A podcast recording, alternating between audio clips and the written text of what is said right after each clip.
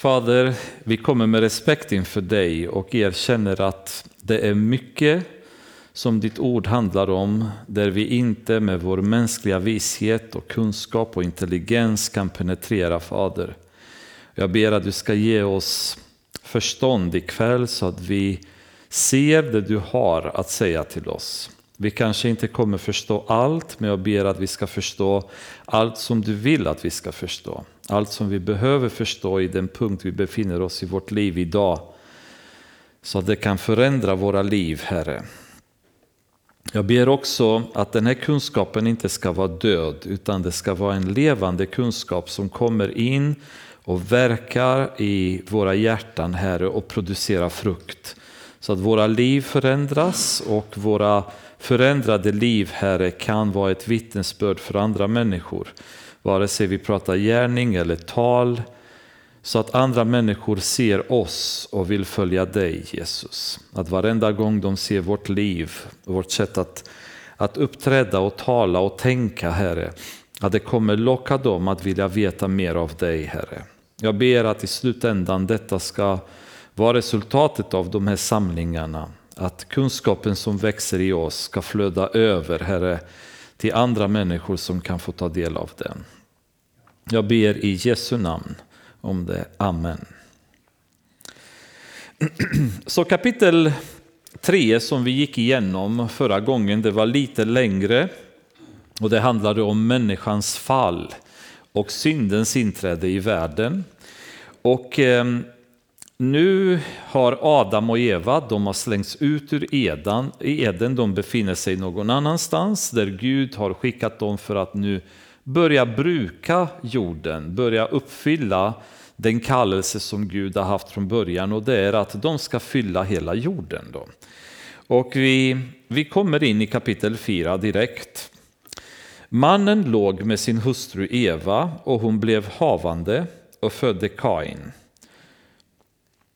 Då sade hon, jag har fått en man från Herren. Hon födde en son till, Abel, Kains bror. Abel blev herde, herde och Kain blev jordbrukare. Så nu börjar mannen och kvinnan så att säga har en intimitet och ett annat ord som används i andra översättningar har jag sett i min eh, bibel jag har i telefonen. Det står att mannen kände kvinnan och så fick de en son. Eh, och det är ju lite intressant ord då för att det är ju mer nära originalspråket där det krävdes mer, alltså intimiteten som blev av en sexuell relation mellan mannen och kvinnan handlade inte bara om något fysiskt utan det var mer ett djupare sammanhang där man, man känner varandra, man blir ett med varandra då och då blir det liksom ett annat resultat. Och de hade den här intima relationen då, som resultat av det, av det så föddes Kain. Och Eva, ehm, hon visste nu att det blev som en slags förbannelse för henne varenda gång hon kommer föda. Det kommer göra ont, det kommer vara jobbigt, men det finns också en glädje i samband med födelsen. Och det är att ett nytt barn kommer till jorden. Det blir uppfyllelsen av det som Gud har kallat en till. Och namnet Kain betyder egentligen förvärvad eller fått. Då, och då, då förklarade att hon säger jag har fått en man från Herren. Och det finns en del som säger att det är med betoning på man i det här fallet, vilket jag inte är säker att vi kan med säkerhet säga att det var fallet. Men eh, man menar på att det faktum att hon fick en man så var det redan ett hopp för henne att ehm, kapitel 3, vers 15 nu skulle möjligtvis komma till uppfyllelse. Det vill säga att från din avkomma, din avkomma kommer krossa eh, ormens huvud. Då. Att det fanns en glädje i att hon fick en man. Det vet vi inte var intonationen och var betoningen låg på, så jag vill inte spinna vidare på det, men ni kan ha det lite grann i tanken som alternativ. Eh, och sen andra barnet som hon fick hette Abel och det betyder vindpust eller förgänglighet. Ehm, och vi vet ju egentligen inte hur länge Abel har levt, men vi ser att hans liv var betydligt kortare. Eh, om det var profetiskt eller var bara en ehm, en antydan om vad livet är och så vidare. Det vet vi inte hur hon resonerade kring namnet. Men Abel heter det andra barnet. Det finns en del exegeter som säger att de var tvillingar, Kain och Abel, men det finns ingenting i texten som säger det. Eh, det vi vet är att Kain var den äldre och Abel var den yngre av dem. Och sen avståndet dem emellan, hur lång tid det tog, det vet vi inte. Eh, vilken, vilken åldersskillnad det var dem emellan. Det har vi ingenting att gå på. Vers 3. Efter en tid hände sig att Kain bar fram en offergåva åt Herren av markens gröda. Även Abel bar fram sin gåva av det förstfödda i sin jord, av djurens fett. Och Herren såg till Abel och hans offer, men till Kain och hans offer såg han inte. Då blev Kain mycket vred och hans blick blev mörk. Det intressanta här är eh, att de skulle frambära ett offer åt Gud. Men är det inte så att när vi tänker på offer, då tänker vi på Mose och lagen och alla typer av offer som Eh, startades så att säga när judarna kom ut ur Egypten. Där de gick igenom eh, tredje Moseboken, de skulle ha matoffer och de skulle ha syndoffer och de skulle ha brännoffer och försoningsoffer och så vidare. En hel lista av olika typer av offer som Gud eh, ger Mose så att säga, och tydliggör för Mose hur de skulle utföras. Men det intressanta är att det, nu offras det innan lagen hade kommit. Och ni, om ni tänker efter så kommer det finnas ännu mer sådana fall där Abraham till exempel offrar. Men varför offrade de? För lagen hade fortfarande inte kommit. Det är ju det intressanta och det är en, en bra fråga att ställa sig. Ehm, dock, om ni tänker på sabbaten så pratade vi om att sabbatslagen infördes direkt efter skapelsen. Men sabbaten nämns sedan i de tio budsorden. Men sabbaten fanns ju redan och vi pratade om att egentligen var sabbaten ett en bekräftelse på någonting som var bestämt sedan innan. Och faktum är att ju mer vi tittar i hur världen fanns tidigare eller var konstruerad eller bestämd, då ser vi att alla de lagar som gavs till Mose egentligen fanns redan i människornas levande och medvetande tidigare, under patriarkernas tid. Eh, under Abrahams tid till exempel. Eh, att inte stjäla, att inte döda. Det fanns ju redan då. Att offra, som sagt, det hade funnits.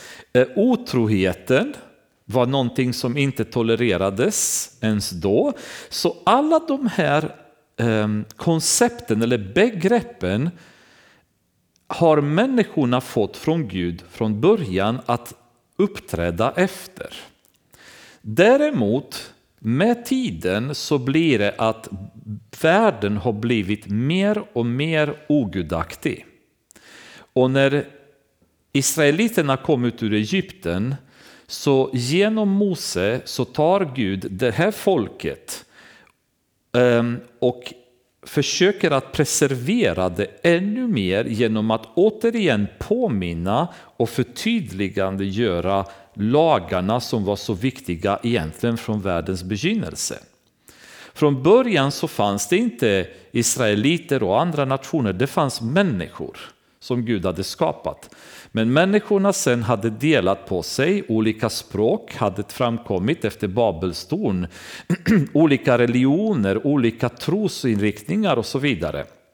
Och med Abraham så bestämmer sig Gud att ta ur alla de här människorna, att ta en stam som ska vara hans och från vilken sen Messias skulle komma. Och lagarna behöver nu förtydliggöras och återinföras.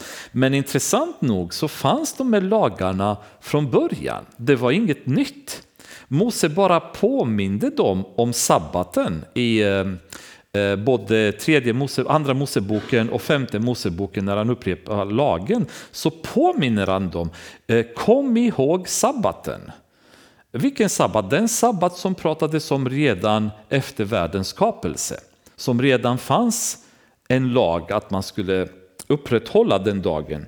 I Romarbrevet kapitel 1, det har vi läst många gånger som referens till dagens Sverige och dagens värld kan man väl säga.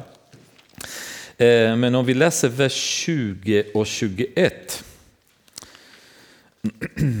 Det står det sådär, eh, och sen kan ni hålla fingret där, för vi kommer hoppa till kapitel 2 i Romarbrevet också. Men 2021. Ända från världens skapelse syns och uppfattas hans osynliga egenskaper, hans eviga makt och gudomliga natur genom de verk han har skapat. Därför är de utan ursäkt. Trots att de kände till Gud prisade de honom inte som Gud eller tackade honom utan de förblindades av sina falska föreställningar så att mörkret sänkte sig över deras oförståndiga hjärtan.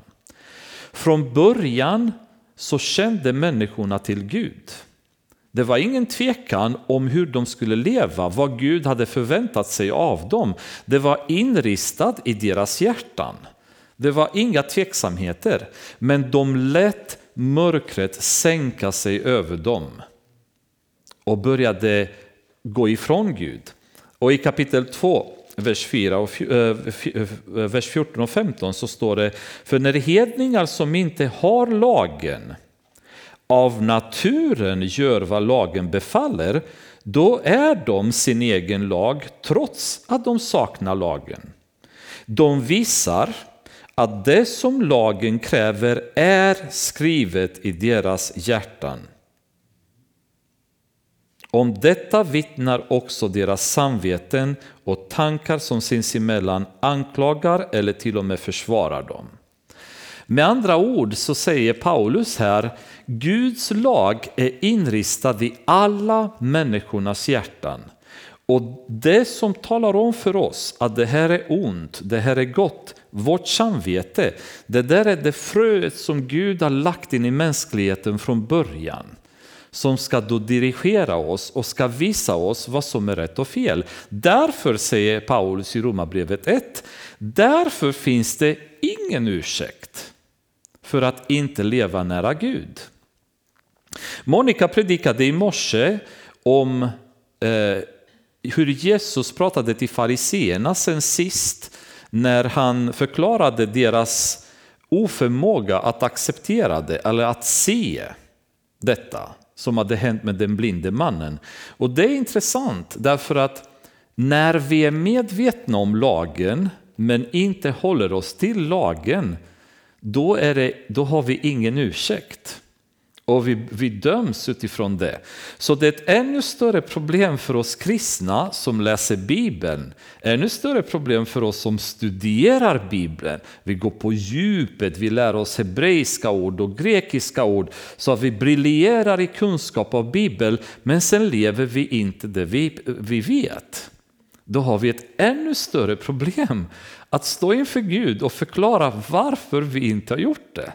Med allt den här kunskapen som han har gett oss, med allt det förståndet som han har gett oss som bara har vuxit allt eftersom vi har välsignats från honom med mer och mer förstånd. Men vi lever inte det. Så vi som kristna kommer ha en hel del förklaring och ge varför vi har vetat så mycket och gjort så lite. Hade vi inte vetat hade vi dömts utifrån det vi inte hade vetat och det lilla vi hade vetat. Men nu när vi vet så mycket, då har vi ingen ursäkt. Det är kanske en anledning till att många inte vill komma till kyrkan för att de inte ska lära sig för mycket och ha för mycket ansvar och göra för mycket sen. Bättre jag ingen vet, då behöver inte jag dömas. Jag vet inte, det är bara ett skämt, men det är ju något allvarligt att tänka på att den här lagen är inristad i våra hjärtan från början och de började redan redan offra. I Kolosserbrevet som vi läste förra gången då, så står det allt detta är en skugga av det som skulle komma, men själva verkligheten är Kristus. Det, det läste vi och, och pratade vi ganska mycket eh, förra gången vi gick in i Kolosserbrevet 2.17. Men det jag vill komma fram till är att från början, från världens skapelse, så har Gud gett en lag till människorna och talat om för människorna att Messias kommer att komma. Och från början så levde människorna redan med det hoppet. Därav också offrandet. För hela offersystemet i Bibeln är en skugga av Jesus som skulle komma. Varje offersystem som vi går igenom och tittar på ser vi att det är menat att förespegla någonting som har med Jesus att göra. Och allt den här har Gud från början talat om för människorna.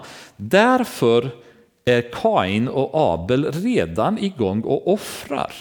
Redan då så ser de fram, så att säga, framför sig det här löftet som Gud hade gett.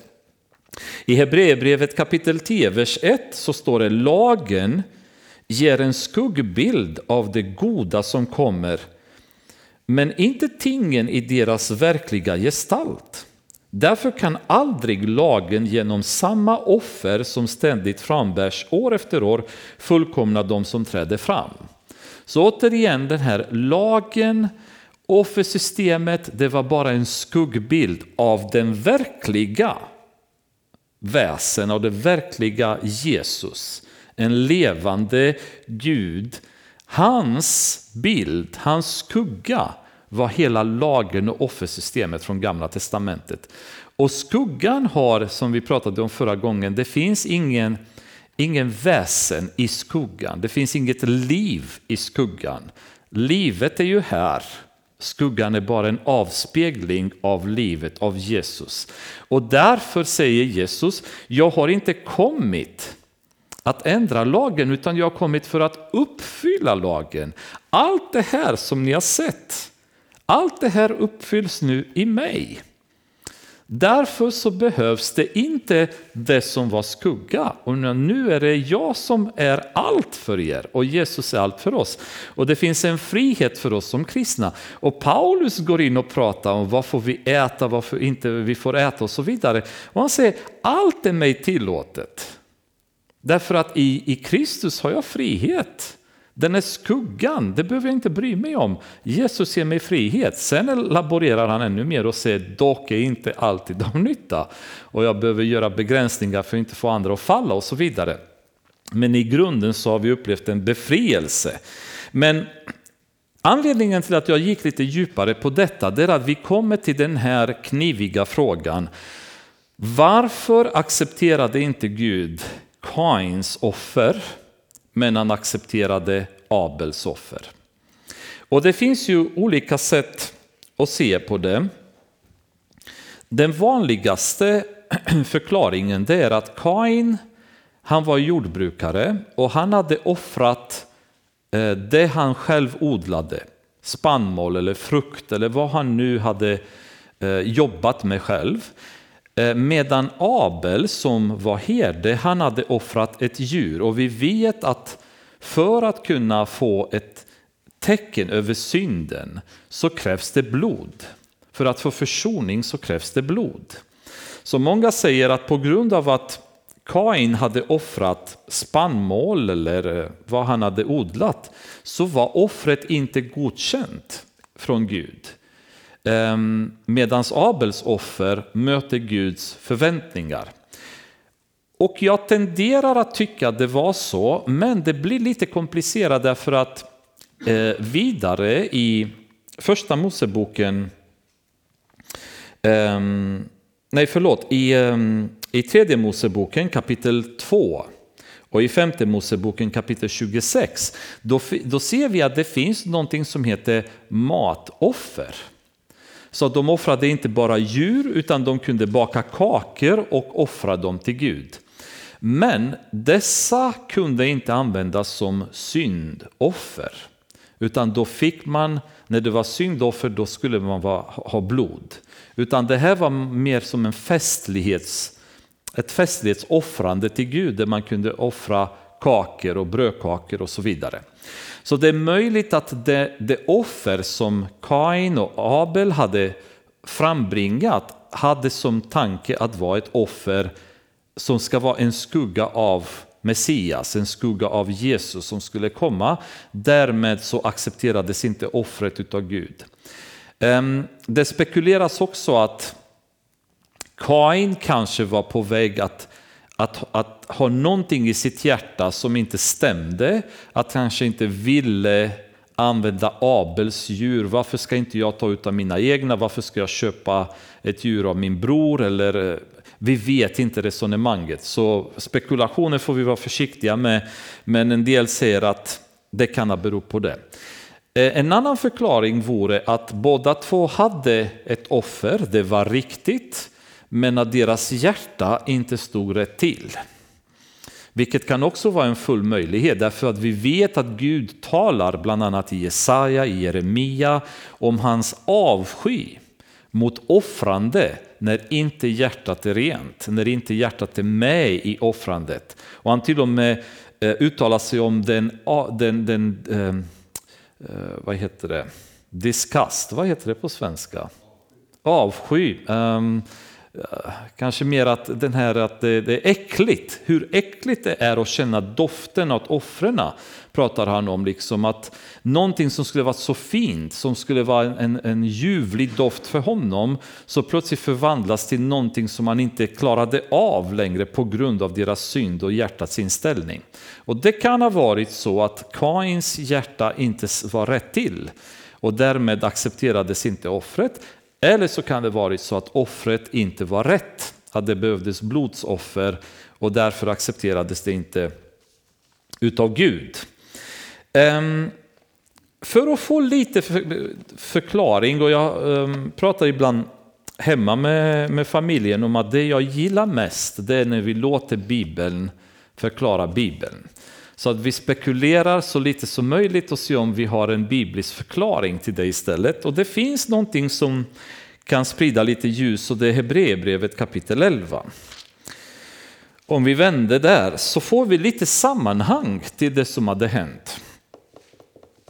Kapitel 11, vers 1 kan vi börja läsa från. Tron är en övertygelse om det man hoppas, en visshet om ting som man inte ser Genom tron fick fäderna sitt vittnesbörd. Genom tron förstår vi att universum har skapats genom ett ord från Gud. Så att det vi ser inte har blivit till av något synligt. Genom tron bar Abel fram ett bättre offer åt Gud än Kain. Och genom tron fick han vittnesbördet att han var rättfärdig när Gud själv bekände sig till hans offer. Och genom tron talar han en trots att han är död. Nu tycker jag att vi börjar få en annan dimension i det hela, för nu kommer tron här. Där tron visar sig vara den viktiga delen som gjorde att Gud accepterade Kains, eller Abels offer. Det var tron som gjorde skillnaden. Eh, hur den tron uttryckte sig, det vet vi inte. Var det så att genom att ha tron på vad Gud har sagt så offrade Abel korrekt. Det vill säga rätt offer till Gud. Eller var det tron genom att Abels hjärta var rätt inställt? Det förklarar inte Bibeln och därför är det ingen idé att vi gräver djupare i. Men det grundläggande vi behöver dock veta är att tron var skillnaden mellan Abel och Kain. Och tack vare tron så tyckte Gud om Abels offer men ogillade Kains offer. Och det, ehm, det, det skapar en helt, ett helt annat sammanhang. För också om vi fortsätter i Hebreerbrevet kapitel 11, vers 6 så står det utan tro är det omöjligt att behaga Gud. För den som kommer till Gud måste tro att han finns och att han lönar dem som söker honom. Utan tro är det omöjligt att behaga Gud. Oj, vad mycket djupare allting blir. Um, vad innebär det här för oss idag? Hur kan vi leva ett liv som behagar Gud idag? Har vi tro? Jesus säger, när jag kommer tillbaka kommer Människosonen finna tro. Så tron verkar vara någonting som blir ett stort problem i världen, i, även i församlingen, i kyrkan. Människor som påstår sig själva ha blivit kristna, men har vi fortfarande tro? Tror vi fortfarande på Gud? Tror vi fortfarande på hans löften? För problemet med att inte ha tro är att vi gör Gud till en lögnare. När Gud säger jag kommer alltid vara med dig och jag säger det tror jag inte. Vad innebär motsatsen? Då tror jag inte att du kommer vara med mig. Därmed så ljuger Gud när han säger att han kommer vara med mig. När Gud säger jag kommer aldrig lämna dig och jag säger jag tror inte på det, jag blir rädd att du kommer göra det. Vad är min tro på Gud då? När Jesus säger jag kommer att komma tillbaka och hämta hem er. Och det finns kristna idag som säger att det här är bara någon slags metaforisk eh, grej, att det kommer inte hända på riktigt. Vilken tro har vi på Gud då? Är Gud en lögnare? Eller tror vi på det han säger? För i Hebreerbrevet säger att just meningen med tron är att vi ska tro på det vi inte ser. Men då sätter vi vår tro på det och det är det som Gud älskar. När jag läser hans ord och säger det här tror jag på, det här sätter jag mitt hopp i, det här planerar jag hela mitt liv enligt därför att jag vet att det du säger här stämmer. När Gud säger att om vi ber i Jesu namn så kommer våra böner höras, våra böner kommer få svar. När Jesus säger knacka och jag kommer öppna, tror vi på det? Eller tror vi att det är bara metaforiska talesätt eller vad som helst, han har sagt någonting bara för att säga något? Eller förstår vi att när Gud säger någonting i Bibeln så menar han det? Vi sa ju förra gången också, han säger vad han menar, han menar vad han säger. Men tror vi på det? Eller låtsas vi tro på det? För utan tro kan vi inte behaga Gud. Vi kan inte ha en vettig relation med Gud utan tro. Så tron är grundläggande till allt som vi har i vår relation med Gud. Och på grund av att tron inte var i Kain så kunde inte Gud acceptera det han gjorde. Men vi har så fina kyrkor idag, vi engagerar oss, vi har fina program, ehm, vi ger pengar till fattiga, vi gör matkassar, vi gör så mycket. Men har vi tro?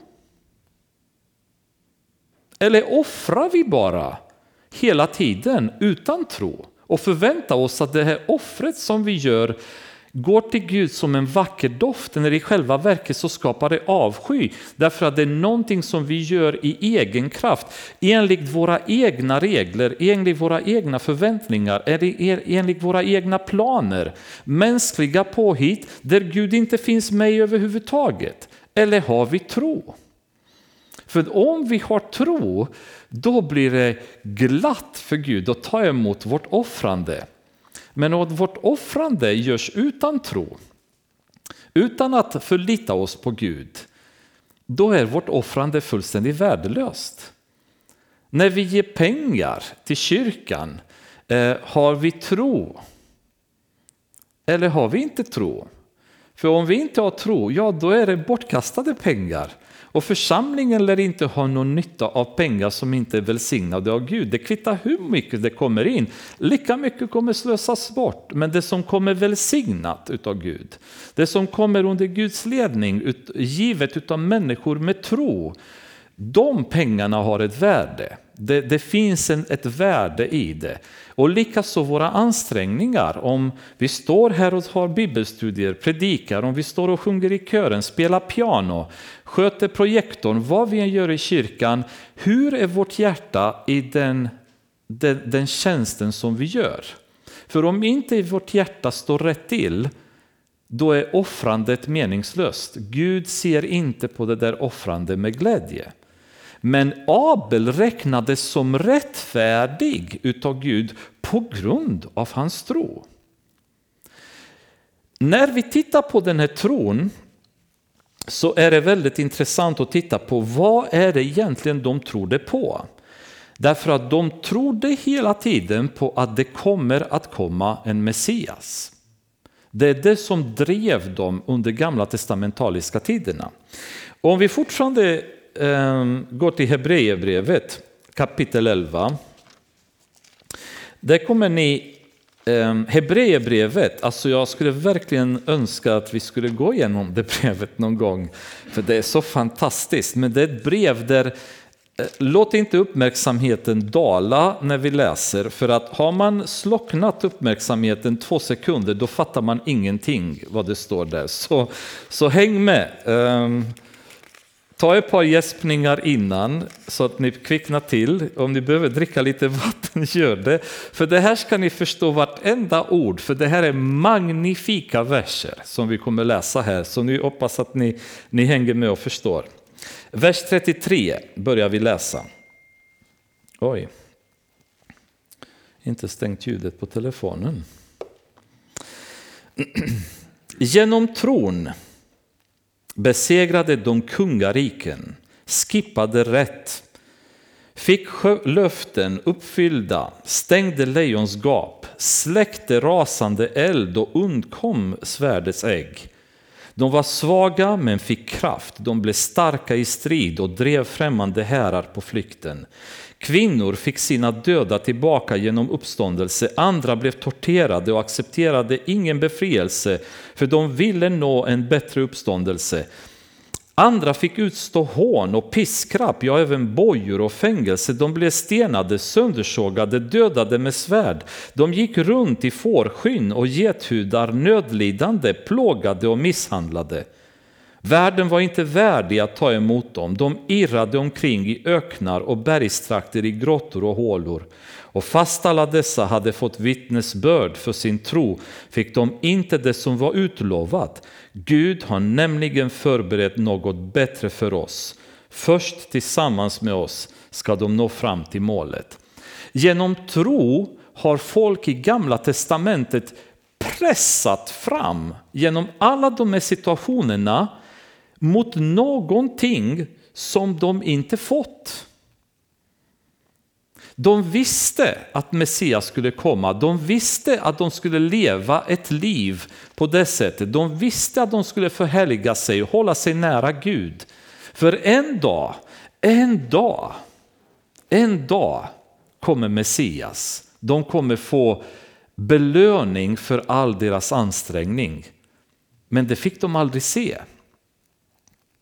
Vi befinner oss i den privilegierade kategorin som vet att Messias har kommit. Och vi har dessutom all hans lära som Jesus har lämnat efter sig. Och vi har apostlarnas lära som utvecklar det ännu mer. Så det borde vara så mycket enklare för oss att tro. Och Jesus säger ändå, men kommer jag finna tro när jag kommer tillbaka? Tron är det som Satan försöker att underminera hos oss kristna människor och världen i övrigt. Att inte tro på Gud, att inte tro på ordet, att inte ta det på allvar, att inte ta tid för att lära känna Guds vilja för våra liv och växa i det.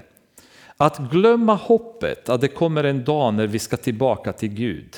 Att glömma att det är den evigheten som vi ska leva för, inte den här lilla vindpusten som vårt liv betyder här på jorden. Utan fokuset ska vara här och nu menar Satan, inte där. Vi ska inte tro på det där. Eh, Petrus pratar om hur människor kommer håna det faktum att Jesus har fortfarande inte kommit. De förstår inte att för en Gud tusen år är som en dag, en dag som är tusen år. Men vår tro ska förstå det. Vi ska stå fast i den tron att det är dit vi ska. Men vi glömmer bort det, eller hur, i vardagen. När vi blir irriterade på små saker, när någon säger något vi inte tycker om. Vi tycker att någon har varit orättvis mot oss, någon försöker utnyttja oss och så vidare. var i en situation eh, nyligen när en broder behövde hjälp och eh, det var ett ovanligt sätt att behöva hjälp än det man förväntar sig. Och min första reaktion var att hitta på en ursäkt att inte hjälpa honom för att jag tyckte bara att mm, det, det är väl kanske lite för mycket. Men sen kom den där versen i mitt huvud att om någon vill ta, be dig om jackan, ge honom skjortan också. Liksom, så kände jag bara, nej men det är klart jag ska, jag ska hjälpa. Men sen gnagde mig lite grann fortfarande, ja, men, ja, det kanske inte är riktigt så bra. Och sen bara på något sätt skämdes över detta och tänkte, hur tänker jag? Tänker jag i evighetsperspektiv eller tänker jag här på jorden? För med jordiska mått mätt, med mänskliga småaktighet sätt att tänka på, ja då hade jag kanske kunnat gnälla och knorra och så vidare. Men så fort man sätter evigheten som perspektiv, att en dag så kommer vi till himlen. Och vad, det liksom i evighetssammanhang, vad betyder detta? Det betyder ingenting. Liksom. Vad, vad kommer det påverka mig negativt? Ingenting. Tvärtom, jag har fått en broder som är glad. Eh, ingen aning om han, det han begär är för mycket eller för lite, det spelar ingen roll. Men i evighetsperspektiv betyder detta ingenting.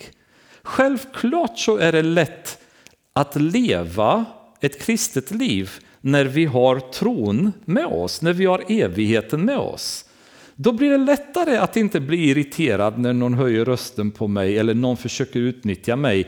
Eller jag behöver jobba lite längre än jag skulle ha gjort eller att jag måste göra något jag inte tycker om. Det blir så mycket enklare när jag går hela tiden med tron. Mina ögon är, är fokuserade där borta och inte här nere. Den tron är det som ger mig kraft. Och det var den här tron som hela Hebreerbrevet kapitel 11 handlar om. När de går genom patriark efter patriark och pratar genom tro så kunde Abraham göra detta, genom tro så kunde Abel göra detta, genom tro så kunde de göra detta. För att deras tro var på vad? På någonting de aldrig fick se. De trodde på det och den tron räknas det som rättfärdighet för dem. Den tron räknades som rättfärdighet för Abel men inte för Kain. När Gud såg på Kains offer så kunde han inte tycka om hans offer. Um, och det är ju den som, som är den tron som vi bör få som energi i våra liv. Alltså bara en närhet till Gud där vi förlitar oss på det Gud säger. För då finner vi vila, då finner vi balans i våra liv. Och visa mig hur, hur i hela friden kan någon kristen bli deprimerad? Med en stark tro på Gud. Alltså det går ju inte när vi har himlen framför oss och så ska jag gå ner. Oh, oh, oh, det är så jobbigt, det är så tråkigt, det är så hemskt. Men lyft upp blicken och se på himlen. Det är den som är tron, det är den som ger mig kraft, det är den som ger mig energi. Det är den som ger mig glädje i mitt liv. Och när jag sänker blicken och borrar den ner i jorden, det är då det blir inte rätt. Vidare så sade Herren till Kain, varför är du vred? Och lyssna, och varför är din blick så mörk? Varför är din blick mörk? Har du någon anledning att ha en mörk blick förresten? Varför är du vred? Varför lever vi så här med en mörk blick? Varför är vi arga? Varför är vi irriterade? Varför är vi morska och otrevliga? Vad är anledningen? Vad har vi för ursäkt till att vara det? Kan Gud fråga oss. Varför? Är det inte så att om du gör det som är gott, säger Herren, ser du frimodigt upp. Men om du inte gör det som är gott, då luras synden vid dörren. Den har begärt till dig, men du ska råda över den. Så vad Herren säger att om, om du gör som är gott, då kommer du inte gå med mörk, mörk blick. Du kommer inte vara arg. Men om du inte gör som, som är gott, då ska du vara medveten om att synden lurar vid dörren och vad vill den göra? Den har begärt till dig. Kommer ni ihåg förra bibelstudiet? Vi gick igenom ordet begär och vad det betyder och det kan betyda att den vill sluka upp dig som en, ett odjur som vill äta upp dig. Så så fort du har den här inställningen, säger Gud, då är synden framme och synden vill ta över dig. Och där har vi ett problem. För vi måste vara medvetna om detta att vi får inte öppna den här dörren till synden, för när vi har gjort det så skapar vi en spiralreaktion där synden kommer aldrig sluta. Utan synden bara utvecklas från något mindre till större och större och större och större och större. När vi släpper in synden i våra liv. I första Petrusbrevet kapitel 5, vers 8 så står det Var nyktra och vakna er fiende djävulen går omkring som ett rytande lejon och söker efter någon att sluka. Samma sak här som Gud säger till, till Kain. Alltså var medveten om att synden står vid dörren och den vill sluka upp dig. Vill ta över dig totalt. Vill förgöra dig. Men Jakob kapitel 4, vers 7 säger underordna er därför Gud, stå emot djävulen så ska han fly från er. Och den här andra delen av versen det använder vi ganska ofta, eller hur? Det känner ni till. Eh, stå emot djävulen så ska han fly från er. Men vet ni varför han inte flyr från oss? Eller vet ni varför vi inte står emot honom? För att vi glömmer bort första delen av den versen. Eller hur? Hur ofta tänker ni på första delen av den versen? Underordna er Herren. För om vi inte underordnar oss Herren, då kan vi inte stå emot djävulen. Han kommer inte fly från oss. Men om jag underordnar mig Gud, om Gud får styra mitt liv, om jag går ner på alla mina fyra och ödmjukar mig inför Gud och säger Gud, du får ta över mitt liv helt, gör med mig vad du vill. Din vilja får vara min vilja, dina tankar får vara mina tankar. Det du säger är lag för mitt hjärta. Om jag underordnar mig honom, om jag blir en soldat i Guds armé, då får jag möjlighet att stå emot djävulen och då kommer han fly från mig. För då kommer jag fäkta väldigt bra med heliga andens svärd. Då kommer jag ha min sköld uppe och kunna släcka alla hans brinnande pilar. För jag är fullklädd i Guds rustning. Jag har frälsningens hjälm på mig, jag har svärdet i handen, jag har sanningens bälte runt. Skölden är uppe, skorna liksom på mig så jag behöver inte vara rädd. Och ovanpå allt annat är bönen som Paulus pratar om i vers 10 i Efesierbrevet 6. Att bönen kommer energisera hela den här rustningen och skydda mig. Och, och, det är ju den inställningen som Gud säger till Kain, det är det du behöver tänka på Kain. Synden lurar vid dörren, han, den vill sluka upp dig, men du måste råda över synden, det vill säga Jakob 4.7, du måste stå emot synden.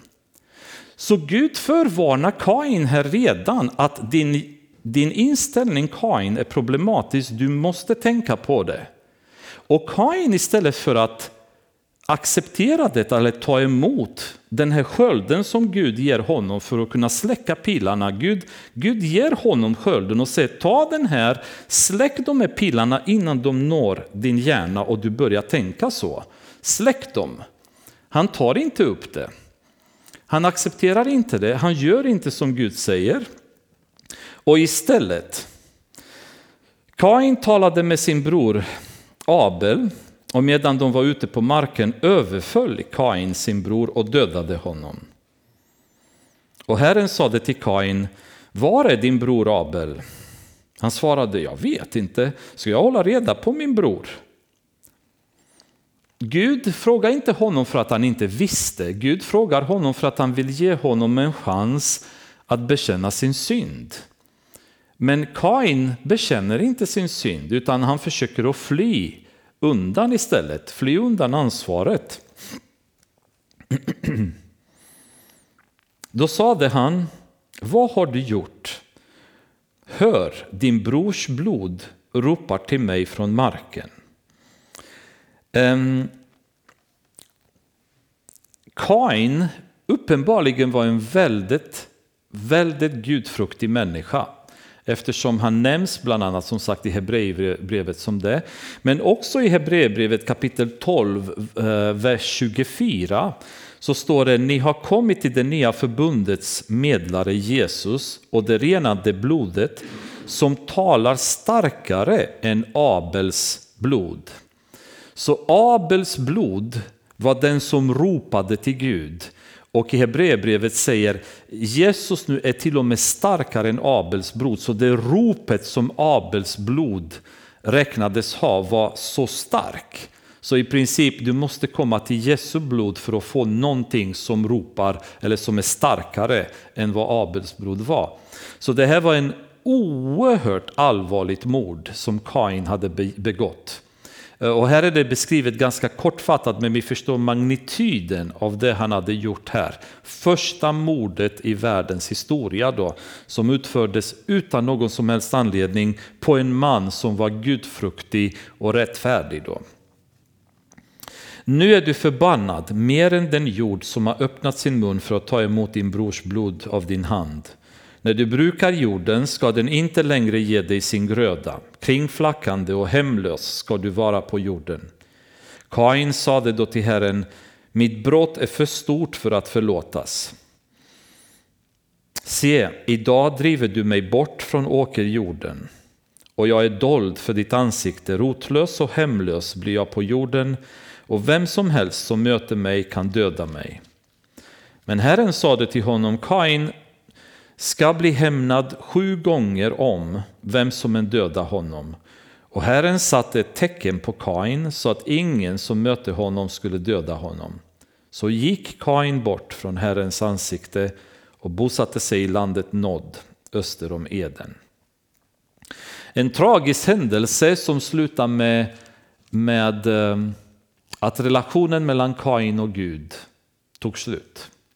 Det, det var över. Eh, Gud fortfarande hade en viss eh, omsorg om honom i och med att han ville förhindra att någon skulle döda honom framöver. Men det står att Kain gick bort från Herrens ansikte. Relationen mellan Kain och Gud var förstörd. Och det fanns ingen upprättelse, det fanns ingen omvändelse från, från hans sida. Det gick inte att, att komma någon vart. Kain låg med sin hustru och det kommer eh, ateisternas fråga. Var fick Kain sin hustru ifrån då förstås? Ja, väldigt enkelt svar. Någon dotter som Adam och Eva hade haft eller någon dotter till någon annan son eller dotter som Adam och Eva hade haft. På den tiden levde människorna i hundratals år. Eh, genetiken hos dem var annorlunda än det var idag, så uppenbarligen människoskaran var genom att syskon gifte sig med varandra eller inom släkten för att börja med. Det kunde inte fungera på ett annat sätt. Men ehm, Kain låg med sin hustru och det är möjligt att vid Eh, mordets tid att det redan fanns många andra bröder och systrar hos Adam och Eva, det vet vi inte riktigt. Men eh, Kain hade nu i alla fall inte problem att hitta en fru. Han låg med sin hustru och hon blev havande och födde Henok. Och Kain byggde en stad och kallade den Henok efter sin son. Och Henok föddes Irad och Irad blev far till Mehujael. Mehujael blev far till Metushael och Metushael blev far till Lemek. Lemek tog sig två hustrur. Den ena hette Ada och den andra hette Silla. Ada födde Jabal. Han blev stam, stamfar till de som bor i tält och är boskapsskötare. Hans bror heter Jubal. Han blev stamfar till alla de som spelar harpa och flöjt. Silla födde också en son, Tubal Kain. Han var smed och gjorde alla slags redskap av koppar och järn. Tubalkains syster heter Nama. Lemek sade till sina hustrur, Ada och Silla, hör på mig. Ni Lemeks hustrur, lyssna till mina ord. Jag dödar en man för ett sår och en ung man för ett blåmärke. Om Kain blir hämnad sju gånger blir Lemek det 77 gånger. Så här drar man upp, kan man säga, eh, Kains genealogi och det är en ganska kortfattad genealogi och anledningen till det är att egentligen spelar det inte så mycket roll vilka som ingår i Kains familj, för alla kommer dö vid floden. Så det är en genealogi som kommer sluta i och med floden. Eh, men vi, vet, vi, får en bild av att det var en, en släkt eller en stam av människor där bland annat våld och aggressivitet hade blivit ett problem om vi läser det sista då om eh, om Lemek då som säger till sina hustrur att han eh, kommer vara så hämndlisten om någon bara ger honom ett sår. Adam låg återigen med sin hustru och hon födde en son som hon gav namnet Set. Hon, hade, hon sade Gud har gett mig en annan avkomling istället för Abel eftersom Kain dödade honom. Och Set fick en son och han gav honom namnet Enosh. Vid den tiden började man åkalla Herrens namn. Eh, och det här lilla versen skulle jag vilja veta så mycket mer om. En kort liten vers där det står vid den tiden började man åkalla Herrens namn. Vad betyder det? Ingen aning. Men det är väldigt intressant vers. Vad gjorde man innan dess? Vems namn åkallade man då? Kan man undra. Vad menas med den här versen? Och det närmaste som jag skulle kunna komma åt och gissa mig fram till det är att i och med mordet på Abel så sjönk mänskligheten i ett ganska så djupt mörker. Med Kains ehm, så att säga, flykt och hans brutna relation med Gud så förmodligen utvecklade synden till ganska stora dimensioner. Och det är intressant att när man läser Kains stamtavla, det pratas om vad människorna upp, äh, vad det, eh, företog sig till. De var, musiker, de var musiker, de tillverkade smidesaker och så vidare. Det vill säga mycket möjligt ett fokus på mänskliga sysselsättningar, krig eller vad som helst men sen med Enosh, alltså Setson, så kanske blir det nu en återkomst av människor som faktiskt åkallar Herrens namn. Det kanske var så ovanligt att folk åkallade Herrens namn längre, så det är nu de börjar på nytt att eventuellt eh, åkalla Herrens namn. Det är ungefär så jag skulle tolka det, men vi vet inte. Mycket märklig liten vers som, eh, som jag sa till Pelle innan mötet. Jag önskar att jag skulle vilja säga, men Mose kunde du inte skriva lite mer där bara så vi förstår. Men eh, finns det inte så behöver inte vi veta mer, annars hade Gud säkert utvecklat det mer. Kapitel 5. Detta är boken om Adams fortsatta historia. När Gud skapade människorna gjorde han dem lika Gud. Till man och kvinna skapade han dem, han välsignade dem och gav dem namnet människa den dag de skapades. När Adam var 130 år fick han en son som var lik honom, hans avbild. Han gav honom namnet Set.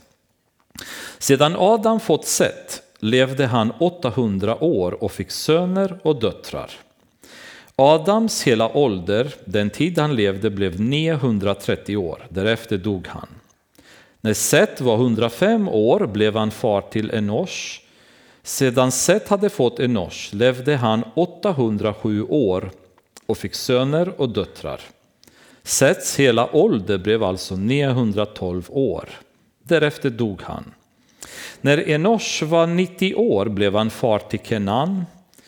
Eller Kenan kan vi säga, så påminner det oss om stallkrogen här, eller hur? Det var länge sedan. Sedan Enosh hade fått Kenan levde han 815 år och fick söner och döttrar. Enoshs hela ålder blev alltså 905 år, därefter dog han. När Kenan var 70 år blev han far till Mahalel. Sedan Kenan hade fått Mahalel levde han 840 år och fick söner och döttrar. Kenans hela ålder blev alltså 910 år. Därefter dog han. När Mahalel var 65 år blev han far till Jered. Sedan Mahalel hade fått Jered levde han 830 år och fick söner och döttrar. Mahalels hela ålder blev alltså 895 år. Därefter dog han. När Jered var 180, 162 år blev han far till Henok. Sedan Jered hade fått Henok levde han 800 år och fick söner och döttrar. Jereds hela ålder blev alltså 962 år. Därefter dog han. När Henok var 65 år blev han far till Metushella.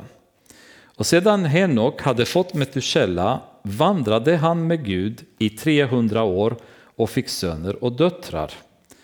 Henoks hela ålder blev alltså 365 år. Sedan Henok hade, så hade vandrat med Gud fann man honom inte mer, för Gud hade hämtat honom. Den enda utav dem som inte hade dött, utan Gud hade hämtat honom. Väldigt spännande person Henok som eh, eh, man skulle kunna prata så mycket mer om eftersom han dyker upp i andra sammanhang i Bibeln. Men en oerhört eh, intressant människa som har vandrat med Gud till den punkt där Gud egentligen väljer att ta ut honom från jorden utan att han behövde dö. När Metushella var 187 år blev han far till Lemek. Sedan Metushela hade fått Lemek levde han 782 år och fick söner och döttrar. Metushelas hela ålder blev alltså 960, 969 år. Därefter dog han. När Lemek var 182 år fick han en son. Han gav honom namnet Noa, för han sade, han ska trösta oss under vårt arbete och våra händers möda när vi brukar jorden som Herren har, har förbannat. Sedan Lemek hade fått Noa levde han 900, 595 eh, år och fick söner och döttrar. Lemeks hela ålder blev alltså 777 år. Därefter dog han. När Noa var 500 år blev han far till Shem, Ham och Jafet. En eh, en genealogi som vid första anblicken känns ganska så upprepande och lite jobbig kanske att läsa igenom. Alla dessa år, alla dessa namn som vi inte begriper någonting ur. Men jag tycker det är spännande med åren, bara föreställ er att leva i nästan tusen år. Alltså det, eh, ja, så vi pratade innan mötet, alltså man sitter här och gör sig planer utifrån att vid 65 års ålder gå i pension, sen har vi kanske en 10, 15, 20 år till och leva i bästa fall. Så eh, i den tidsrymden gör vi planer, eh, så vi köper en sommarstuga, eventuellt lämna över till barnbarnen därefter när vi blir 85 och sen eventuellt hemmet, hemtjänst, eh, blöja, hela balletten då som kommer med åldern i bästa fall om vi lever så pass länge. Fatta att vara typ i 30-40-årsåldern och tänka hmm, Uh, när jag kommer till 500 år då ska vi göra det här och sen lag vi 700 år då ska vi göra det här. Alltså det är en helt annan dimension när det gäller att göra sina planer för livet. Uh, svårt att föreställa sig hur det var att leva alltså de här enorma tidsrymden. Men det var ju uppenbarligen möjligt i en värld där världens ozonlager och elektromagnetiska fält var inte på samma sätt som det är idag.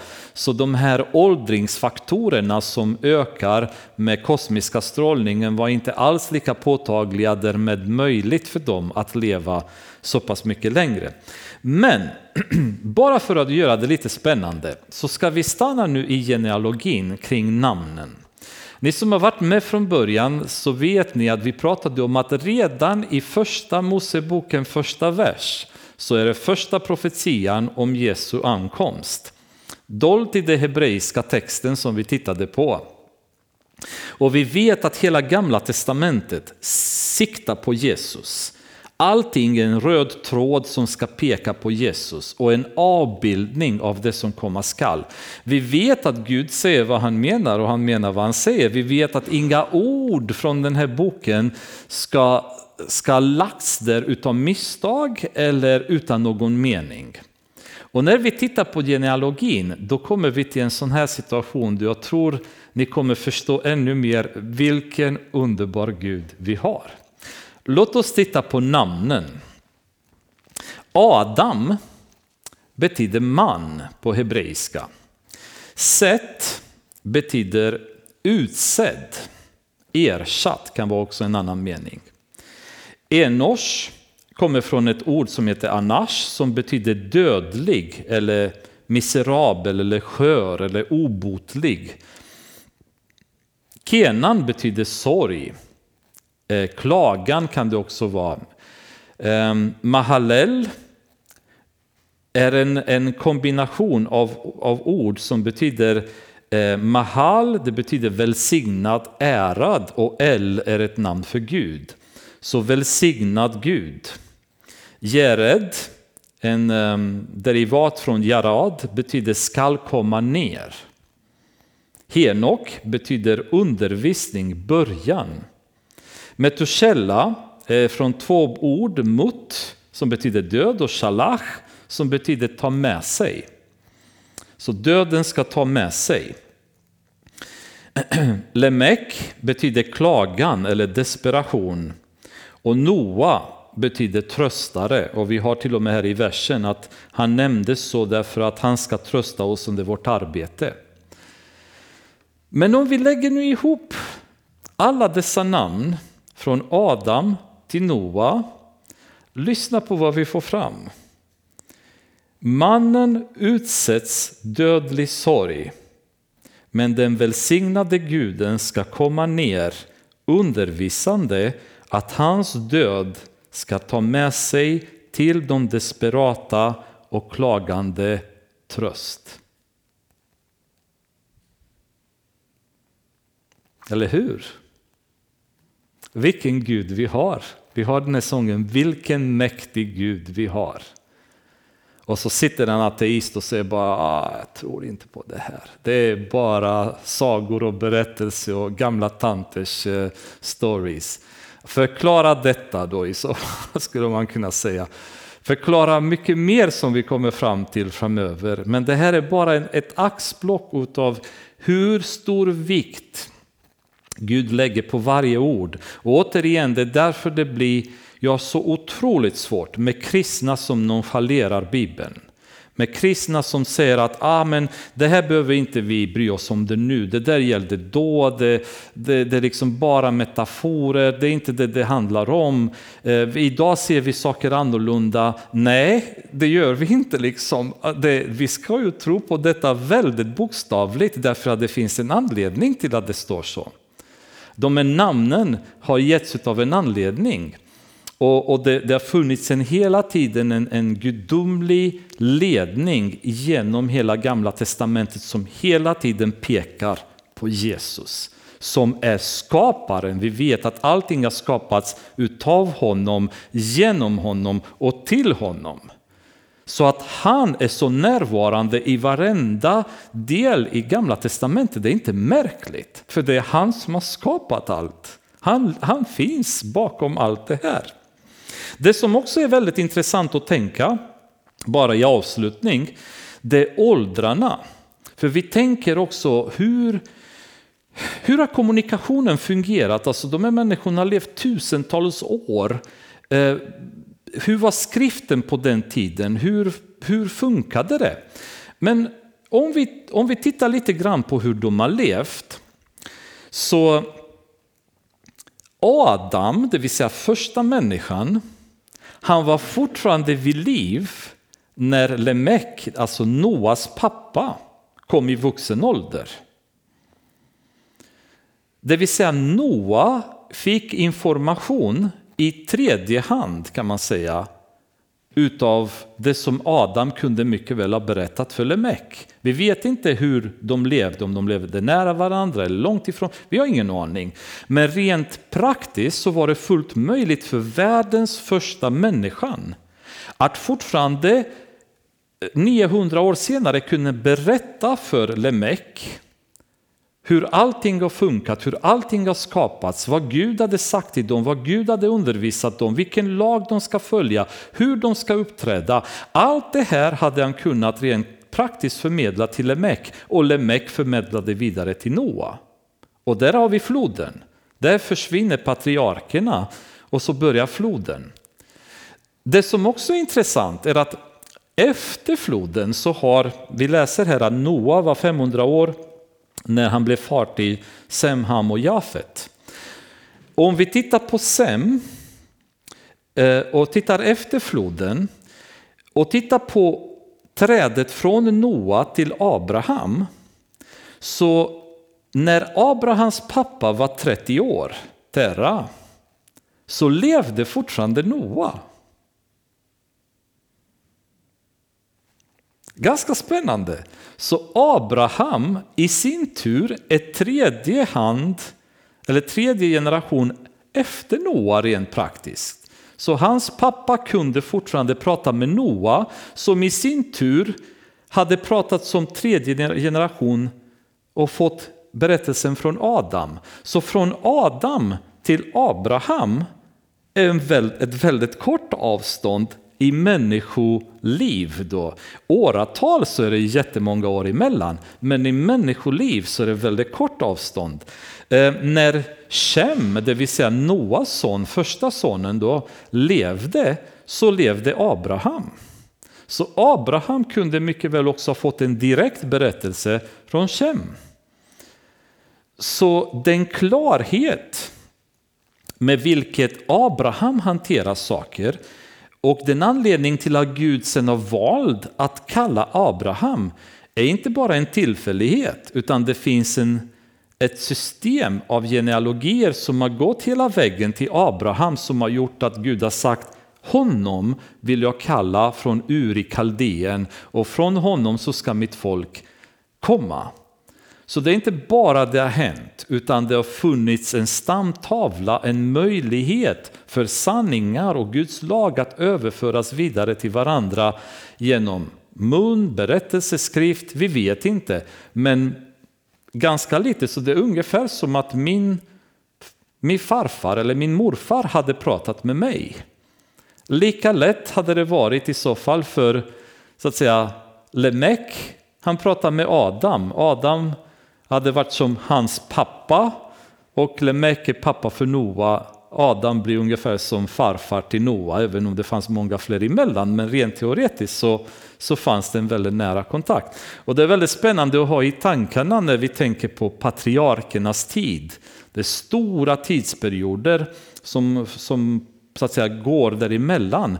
Men det fanns en väldigt nära koppling dem emellan och sen från Abraham till Mose så har det inte heller gått jättemånga generationer. Så rent praktiskt från Adam till Mose så har det inte varit väldigt många människor som har levt emellan. Så budskapet har kunnat gå väldigt tydligt hela vägen då. Ehm, och tittar man på Metusella eh, som betyder att hans död ehm, ska ta med sig då visar sig när man tittar lite närmare att troligen så var det hans far redan fått en profetia från Gud om att det året Metusella kommer dö så kommer slutet för världen då. Eh, därav, om ni tittar på sen när floden kommer, samma år som floden börjar är året då Metusella dör. Och, um, som någon uttryckte en gång, Eh, fatta att ha en pojke som du vet att varenda gång han blir förkyld så blir hela familjen skrämd att nu kommer slutet. Liksom. Ehm, men, men det är intressant också och han är den av patriarkerna som har levt längst, 969 år.